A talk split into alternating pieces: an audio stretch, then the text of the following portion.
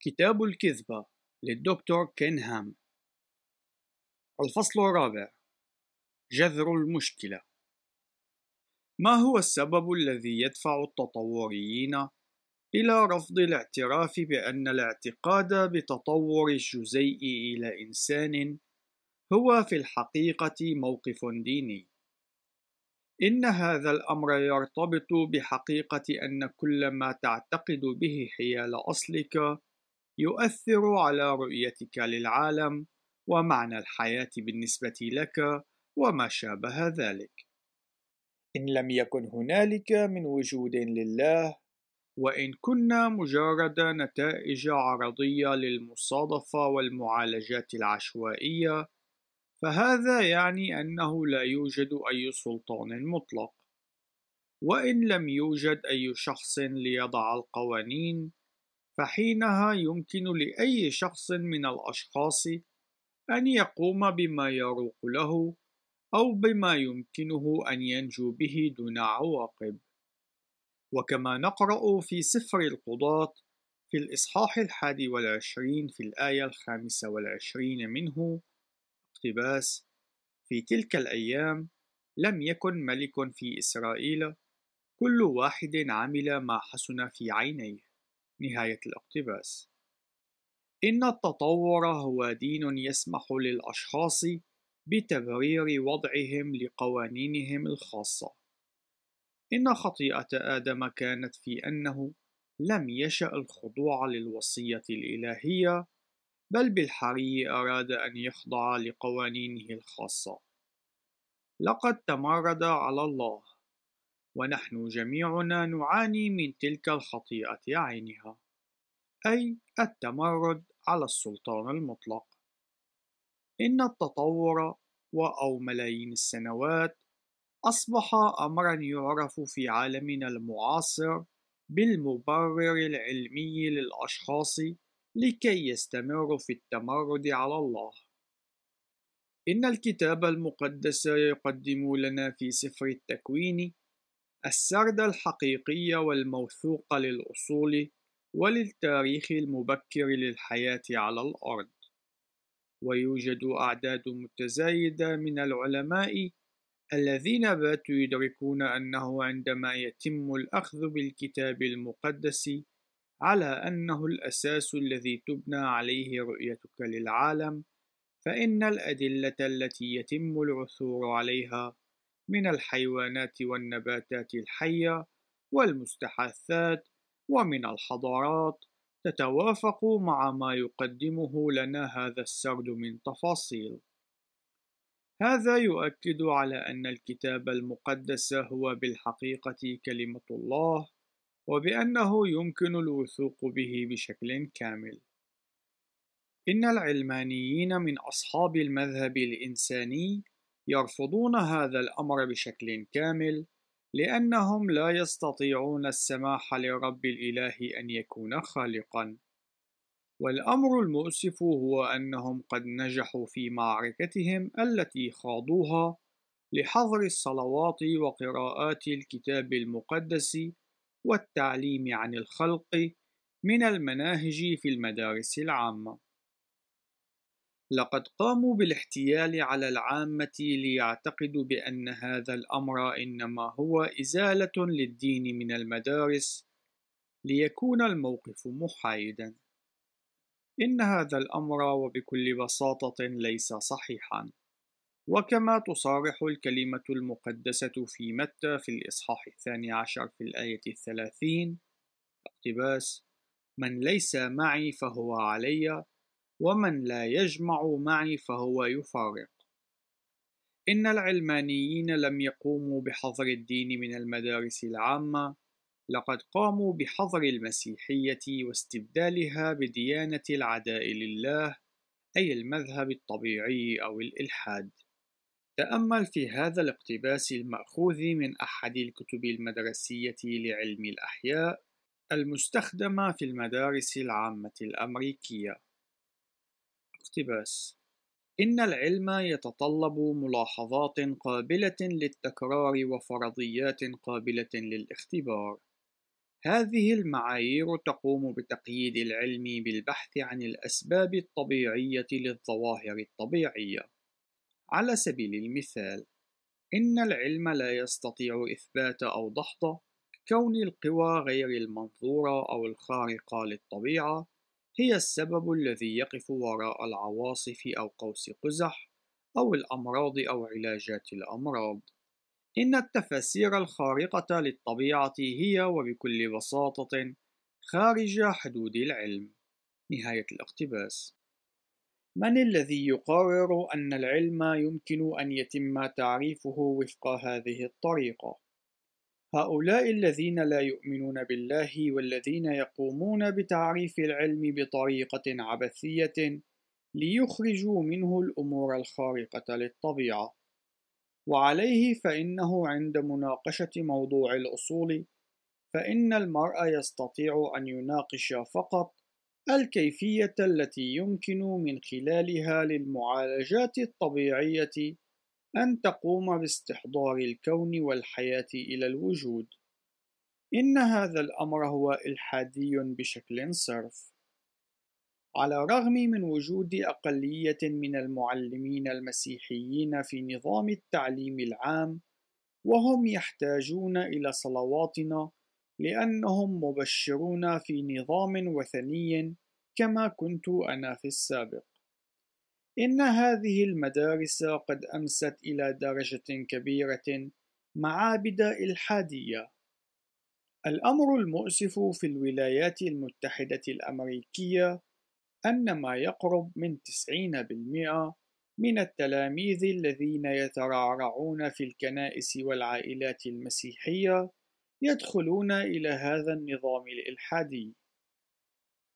إن التلاميذ لا يتعلمون الدفاعيات في معظم الكنائس والمنازل المسيحية، وبالتالي فإنهم لا يعرفون كيفية القيام بالدفاع عن الإيمان المسيحي في مواجهة الهجمات العلمانية. هذا هو أحد الأسباب التي تتسبب بأن يغادر ثلثي اليافعين الكنائس، وذلك حين يصلون إلى مستوى التعليم الجامعي. إضافة إلى ذلك، فإن معظم القادة المسيحيين يقومون بتعليم الشباب بأنه يمكنهم أن يؤمنوا بالتطور و أو ملايين السنوات ونتيجة لذلك فإن الشبان يدركون بأنهم لا يستطيعون أن يثقوا بكلمة الله في سفر التكوين وبالتالي لماذا سوف يثقون بها في أي مكان آخر؟ هذا الأمر قد أدى إلى فقدان الأجيال لقبولهم لكلمة الله على أنها مصدر السلطة المطلقة. لقد تحولت معظم المدارس العامة إلى مؤسسات تقوم بتدريب أجيال من تلاميذ المدارس على المذهب العلماني الإنساني، وعدد قليل جدا من المعلمين المسيحيين المتواجدين في نظام التعليم العام هم من يحاولون أن يكونوا ملح الأرض في هذا النوع من المؤسسات.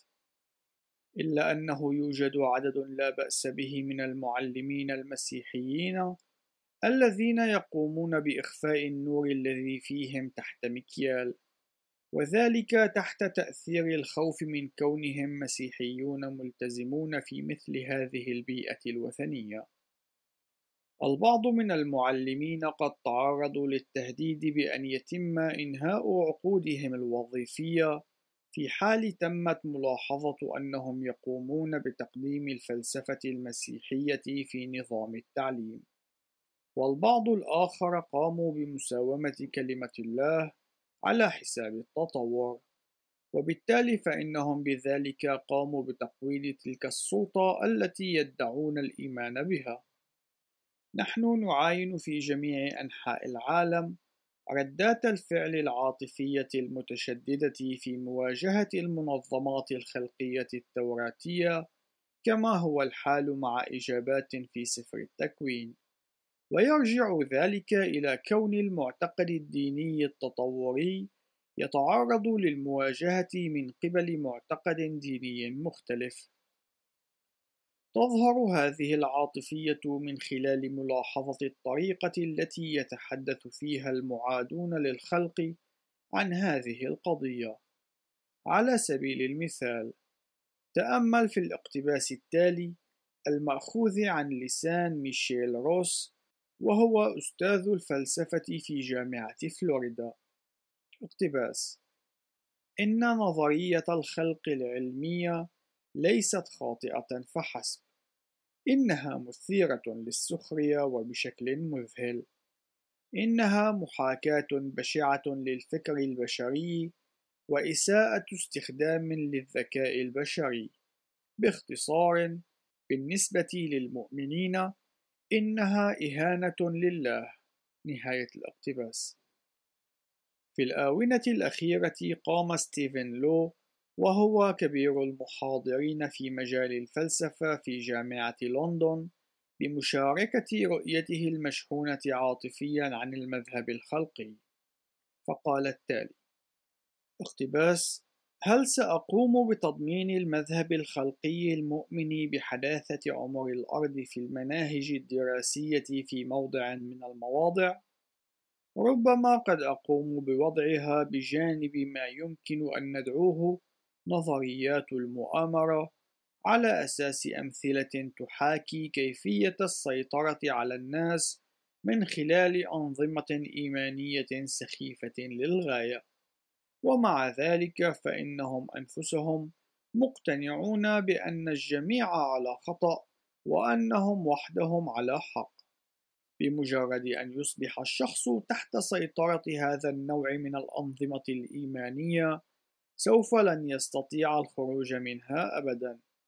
إنها تجعل منهم سجناء فكريين، وسيكون من غير الممكن الوصول إليهم فكريا، كما أنها تشجعهم على التفكير بطرق عادة ما يتم اعتبارها من أعراض الأمراض العقلية. نهاية الاقتباس. في العام 2008 تم نشر مقال في مجلة غارديان البريطانية كتب فيه ريتشارد دوكنز بخصوص المدرسين الذين يؤمنون بالخلق التوراتي على أنه بديل عن التطور. اقتباس. نحن نفشل في مهامنا تجاه الأطفال. إن كنا نجهز طواقمنا التعليمية بمدرسين يتمتعون بهذا الجهل أو الغباء. نهاية الاقتباس. إن المعركة الحقيقية تظهر من خلال حقيقة كون هؤلاء الأشخاص يرفضون القبول بالمسيحية لأنهم لا يريدون أن يقبلوا بوجود إله صاحب سلطان عليهم. ربما هذا هو السبب الذي دفع بأحد المحاضرين التطوريين لأن يقول لي في إحدى المناسبات اقتباس لن تكون قادرا على إقناعي بأن التطور هو ديانة. نهاية الاقتباس.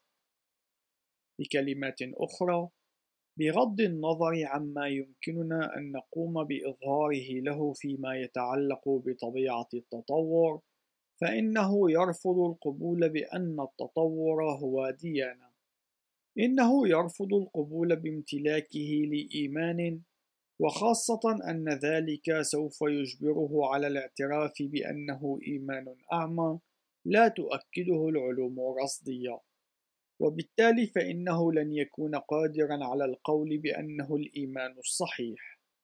لقد تم تضليل الجمهور العام وبشكل حقيقي ليتبنوا الاعتقاد بأن التطور هو أمر علمي فقط وبأن الإيمان بالله هو أمر ديني فقط. على الرغم من ذلك وكما أشرت سابقا فإن كلا الأمرين يمتلكان جانبا إيمانيا. إن التطور يتسبب بتعثر الكثير من الأشخاص ورفضهم للاستماع عندما يشارك المسيحيون معهم حقيقة الله الخالق والإنجيل. سوف تلاحظ أنه في المعارضة البشرية للخدام الذين يدافعون عن الخلق التوراتي من خلال المناظرات ووسائل الإعلام والكتب وما شابه ذلك أنهم غالبا ما يقومون باستخدام هجمات تعتمد مغالطة شخصنة الجدل أي ad hominem. كما في قولهم إن المذهب الخلقي هو ضد العلم أو زيف علمي أو هذا مخالف للواقع. يقومون بتقديم اتهامات عاطفية الطابع. وذلك يرجع إلى عجزهم عن الإشارة أو التعامل مع الأدلة بالإضافة إلى عجزهم عن إظهار حقيقة التطور بشكل جلي. إن الفهم السليم للأدلة سوف يتعارض مع معتقد تطور الجزيء إلى إنسان. قم بالذهاب إلى المتحف وعاين جميع الأدلة المفترضة للتطور. يتم عرض مختلف أنواع الحيوانات والنباتات سواء كان ذلك من خلال العينات المحفوظة بعناية أو من خلال الأعداد الكبيرة من المستحاثات سوف تجد الرواية التطورية موضوعة بشكل كلمات أو ربما يتم تقديمها من خلال نماذج قام بتصميمها بعض الفنانين بناء على الإيمان التطوري لكن لن تجدها في الأدلة الأدلة هي تلك الأشياء الموضوعة في صناديق زجاجية إلا أن القصة الافتراضية التطورية يمكن أن نجدها ملصقة على تلك الصناديق الزجاجية. الأمر الذي يتوجب على التطوريين القيام به هو التوصل إلى قطعة واحدة من الأدلة تكون قادرة على إثبات التطور بشكل قاطع، فإن كان التطور صحيحًا في حين كان الخلق أمرًا غير منطقي، فإن وسائل الإعلام هي في تصرف التطوريين لكي يقوموا بإثبات صحة التطور، إلا أنهم عاجزون عن القيام بذلك. العديد من البرامج الوثائقية التي يتم عرضها على شاشات التلفاز يفترض أنها تقوم بتقديم دليل على التطور، إلا أنه إن قام المشاهد بكتم الصوت، فإن الدليل ذاته يمكن أن يتم تفسيره من خلال السرد التوراتي للخلق، وبعد ذلك فإن العلوم الرصدية سوف تقوم بتأكيد ذلك. إن الأدلة وبشكل ساحق تؤكد بشكل كامل على ما يقوله الكتاب المقدس. من المشين أن الخلقيين لا يمتلكون ذات التغطية الإعلامية لكي يقوموا بتوضيح الأمر للعالم بأن الأدلة وبشكل ساحق تشهد لحقيقة الخلق. فلنواجه الأمر. إن التطوريين لا بد أن يقوموا بمعارضة الخلق التوراتي وذلك لأنه إن كان الخلق صحيحا وهو كذلك أي أن الله هو الخالق وأن الإنسان هو خاطئ بحاجة للخلاص فإن فلسفتهم سوف تسقط بشكل كامل. إن أساس فلسفتهم هو أنه لا يوجد إله. وبأن الإنسان وبشكل مطلق غير مسؤول عن تقديم حساب لأي شخص عدا ذاته. فإن لم يكن التطور صحيحا فإن البديل الوحيد هو الخلق. وهذا هو السبب في أن التطوريين يتشبثون بالفلسفة التطورية المليونية السنوات على الرغم من أن الأدلة تناقضها وبشكل كامل. إن القضية هي قضية روحية بحق. قد يقول البعض بأنه إن كانت الأدلة دامغة على أن الله قد خلق كل شيء، فلا بد أن الناس سوف يصدقون هذا الأمر. إلا أننا نقرأ في رسالة روميا في الإصحاح الأول في الآية عشرين اقتباس لأن أموره غير المنظورة ترى منذ خلق العالم مدركة بالمصنوعات قدرته السرمدية ولاهوته حتى إنهم بلا عذر. نهاية الاقتباس. إن الكتاب المقدس يقول لنا بأنه يوجد كم كاف من الأدلة المتوفرة في العالم لكي تقوم بإقناع الناس بأن الله هو الخالق وفي الوقت عينه لتدين أولئك الذين لا يؤمنون فإن كان الأمر كذلك وإن كانت الأدلة متوفرة بهذا الشكل لماذا لا يؤمن الناس؟ هل يرجع السبب إلى عدم رغبتهم في الإيمان بها؟ إن بطرس الرسول يصرح بأن الناس في الأيام الأخيرة سوف يتناسون وبكامل إرادتهم أن الله قد خلق العالم هذا ما يرد في رسالة بطرس الثانية في الإصحاح الثالث في الآية الخامسة. هذا يعني بأنه يوجد إرادة من قبلهم لكي لا يؤمنوا. بي زيد ماير أستاذ مساعد للعلوم والرياضيات في جامعة مينيسوتا موريس أوضح من خلال مقابلة أجريت معه مؤخرا أن عدم إيمانه بالله يرجع إلى نقص الأدلة. اقتباس لماذا لا أؤمن بالله؟ لأنه لم يسبق أن قام أي شخص بتقديم دليل عنه لي. إنه موقف سخيف. إن كان الأمر صحيحا فإنه سوف يكون مذهلا. أليس كذلك؟ سوف يكون الأمر الأكثر إثارة للدهشة الذي يمكننا أن نستكشفه في الكون. أي أنه وجد كيان ما أكبر من كل ما كنا نعيش فيه وندرسه وبأنه يمتلك هذه القوى الهائلة. هذا الأمر سوف يتسبب بزعزعة أساسات الأرض. لو كان الناس يمتلكون أدلة على هذا الأمر ألا تعتقد أنهم سوف يهرعون إلى عرضها؟ نهاية الاقتباس. إلا أننا نعرف أنه نتيجة لما تصرح به رسالة روميا في الإصحاح الأول في الآية العشرين التي تقول بأن الله منظور بشكل واضح فإن الإنسان بلا عذر فإن عدم إيمان الأستاذ ماير ناتج عن الجهل المتعمد. كذلك يجب علينا ألا نفصل روميا الإصحاح العاشر الآية السابعة عشر عن روميا في الإصحاح الأول الآية عشرين. فالآية السابعة عشر من الإصحاح العاشر في رسالة روميا تقول التالي اقتباس إذا الإيمان بالخبر والخبر بكلمة الله. نهاية الاقتباس. نعم إن الأدلة ضرورية. فرسالة بطرس الأولى في الإصحاح الثالث في الآية الخامسة عشر تقول اقتباس مستعدين دائما لمجاوبة كل من يسألكم إلى آخره. نهاية الاقتباس. إلا أن كلمة الله هي التي سوف تقوم بالإقناع فكلمة الله هي أكثر حدة من أي سيف ذو حدين.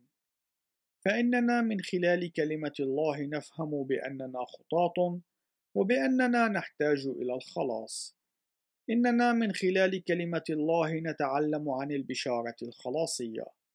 في كل مرة نقوم باستخدام الدلائل يجب أن نقوم بهذا الأمر بطريقة نرشد الناس من خلالها إلى كلمة الله.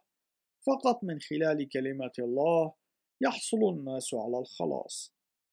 إن الكتاب المقدس يقول لنا بأنه اقتباس ليس من يفهم ليس من يطلب الله. نهاية الاقتباس. وأيضا اقتباس لأن الذي قال أن يشرق نور من ظلمة هو الذي أشرق في قلوبنا لإنارة معرفة مجد الله في وجه يسوع المسيح. نهاية الاقتباس.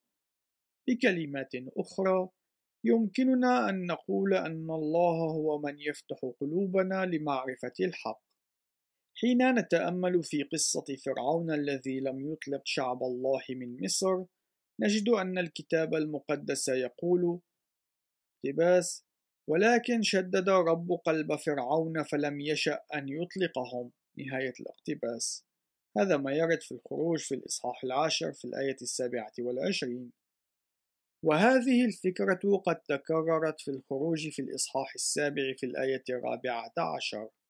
فنقرأ.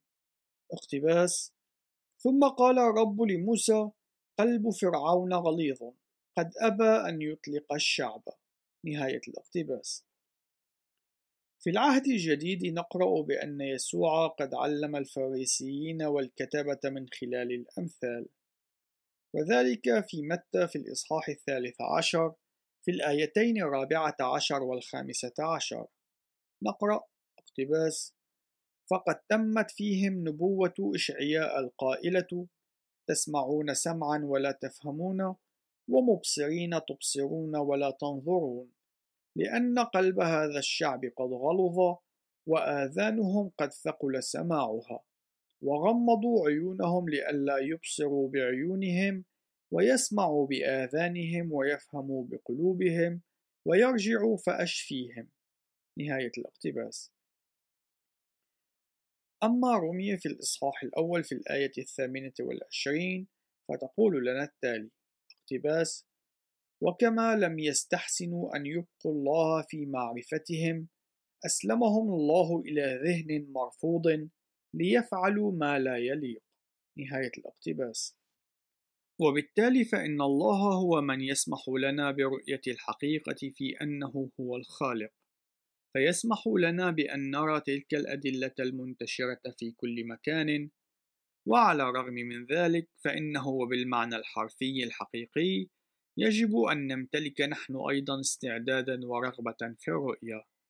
فلماذا يستطيع كل من متبني المذهب الإنساني والتطوري ألا يروا أن كل الأدلة تدعم بشكل مباشر ما يقوله الكتاب المقدس؟ إن ذلك يرجع إلى عدم رغبتهم برؤية ذلك وليس السبب في غياب الأدلة. إنهم يرفضون السماح بأن يتم تفسير الأدلة في ضوء تعليم الكتاب المقدس. في أشعياء في الإصحاح الخمسين في الآية العاشرة نقرأ التالي. اقتباس من منكم خائف ربي سامع لصوت عبده من الذي يسلك في الظلمات ولا نور له؟ فليتكل على اسم ربي ويستند إلى إلهه. نهاية الاقتباس. ها هنا محاكاة تساعدنا على الفهم. في يوحنا في الإصحاح الحادي عشر نقرأ أن يسوع قد أتى إلى قبر لعازر ولعازر كان ميتا. ويجب علينا أن نتذكر أن غير المسيحيين هم موتى في خطاياهم كما يرد في أفسس في الإصحاح الثاني في الآية الخامسة. ويمكننا أن نصفهم بأنهم أموات يسيرون على أقدامهم. أول الأمر صرح يسوع قائلا اقتباس ارفعوا الحجرة. نهاية الاقتباس. إن يسوع كان قادرا على دحرجة الحجر أو ربما إزالته بالكامل بكلمة واحدة. إلا أنه جعل البشر يقومون بما يمكنهم القيام به. وما يمكنهم القيام به هو دحرجة الحجر. لكن ما كان البشر عاجزين عن فعله فعله يسوع. فقال اقتباس لعازر هلم خارجا. نهاية الاقتباس. فيسوع قد أقام الميت. أنا أحب استخدام هذه المحاكاة للقول بأن دحرجة الحجر أو رفعه يشبه استعمالنا نحن البشر للعلوم الرصدية وذلك لنفعل ما بوسعنا لإقناع التطوريين بأن الأدلة تؤكد تاريخ الكتاب المقدس فنحن نجيب على التساؤلات ونقدم دفاعا عن الإيمان. لكن حججنا وجدلاتنا عاجزة عن إقامة الموتى. لذلك يجب أن نتأكد من أننا وأثناء تقديمنا للجدلات تماما كما فعل بولس حين كان يجادل ويدحض أن نوجه الناس إلى كلمة الله ونتأكد من أن نبشر بالكلمة ومن أنهم يسمعون الإنجيل ومن ثم نصلي من أجل أن يقيمهم رب الإله من الموت. إن صلاتي هي أن هؤلاء المعاندين لله الخالق سوف يقبلون إلى الإيمان والثقة به كرب ومخلص. وحين نقرأ بقية الإصحاح الخمسين من نبوءة إشعياء لا بد أن يدفعنا هذا إلى أن نقوم بالصلاة باجتهاد من أجل التطوريين والذين يتبنون المذهب الإنساني والذين يريدون أن يسيروا وفق نورهم الخاص أي وفق النور البشري. فنقرأ في الآية الحادية عشر منه اقتباس يا هؤلاء جميعكم القادحين نارا المتنطقين بشرار اسلكوا بنور ناركم وبالشرار الذي أوقدتموه. نهاية الاقتباس. نحن لا نريد أن يكون هذا مصير أي إنسان وكما يقول الرب في كلمته أنه لا يشاء أن يهلك أناس وذلك في بطرس الثانية في الإصحاح الثالث في الآية التاسعة. وعلى الرغم من ذلك إن الله إله المحبة هو أيضا الإله الذي يحاكم ولا يمكنه أن يتغاضى عن الخطيئة كما يرد في الرسالة إلى العبرانيين في الإصحاح الأول في الآية الثالثة عشر. وبالتالي فإن الخطيئة يجب أن تحاكم على ما هي عليه ولذلك فإن الله برحمته اللامتناهية قد أرسل ابنه الوحيد اقتباس لأنه هكذا أحب الله العالم حتى بذل ابنه الوحيد لكي لا يهلك كل من يؤمن به بل تكون له الحياة الأبدية. نهاية الاقتباس. يوحنا الإصحاح الثالث الآية السادسة عشر ونقرأ أيضا في يوحنا في الإصحاح الأول في الآيات من الأولى وحتى الرابعة. اقتباس. في البدء كان الكلمة والكلمة كان عند الله وكان الكلمة الله. هذا كان في البدء عند الله. كل شيء به كان وبغيره لم يكن شيء مما كان. فيه كانت الحياة والحياة كانت نور الناس. نهاية الاقتباس. انتهى الفصل الرابع.